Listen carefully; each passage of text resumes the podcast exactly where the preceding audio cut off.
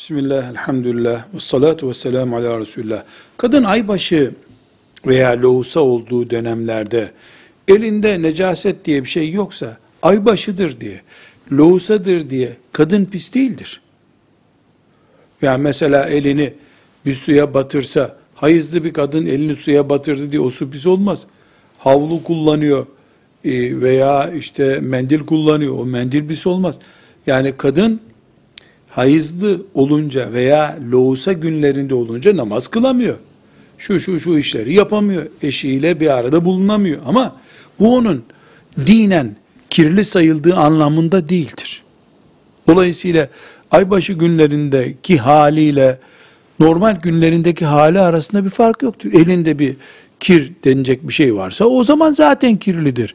Dolayısıyla aybaşı halindeki kadın yemek pişirir, yemek yer, çamaşır yıkar, çamaşır giyer, e, çocuğunu emzirir. Hiç hayatla böyle bir kesilmesi gereken bir boyutu yoktur. Velhamdülillahi Rabbil Alemin.